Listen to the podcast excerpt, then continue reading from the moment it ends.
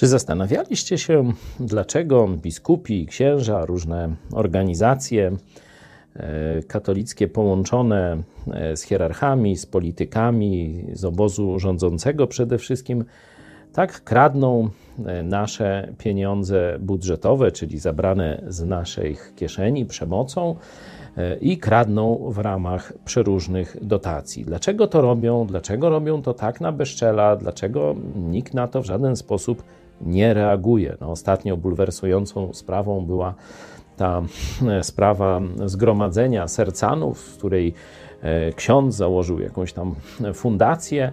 Słynny jest właśnie z tego, że tam w imieniu Matki Boskiej rozkazywał jakiejś wegetariance jeść salceson i e, to była jego, jego sposób na, na wyzwolenie ją od wpływu demonów. I właśnie ta organizacja katolicka wyciągnęła z budżetu państwa 43 miliony z Funduszu Sprawiedliwości, czyli na ofiary przemocy przeróżnej, i buduje taką siedzibę, rezydencję medialną w Wilanowie. Nie?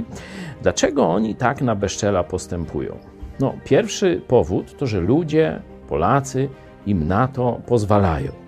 Oni na bezczela nas rżną, E, karmią zabobonem na poziomie tego egzorcyzmu salcesonowego e, i lud, że tak powiem, dalej chodzi do kościoła.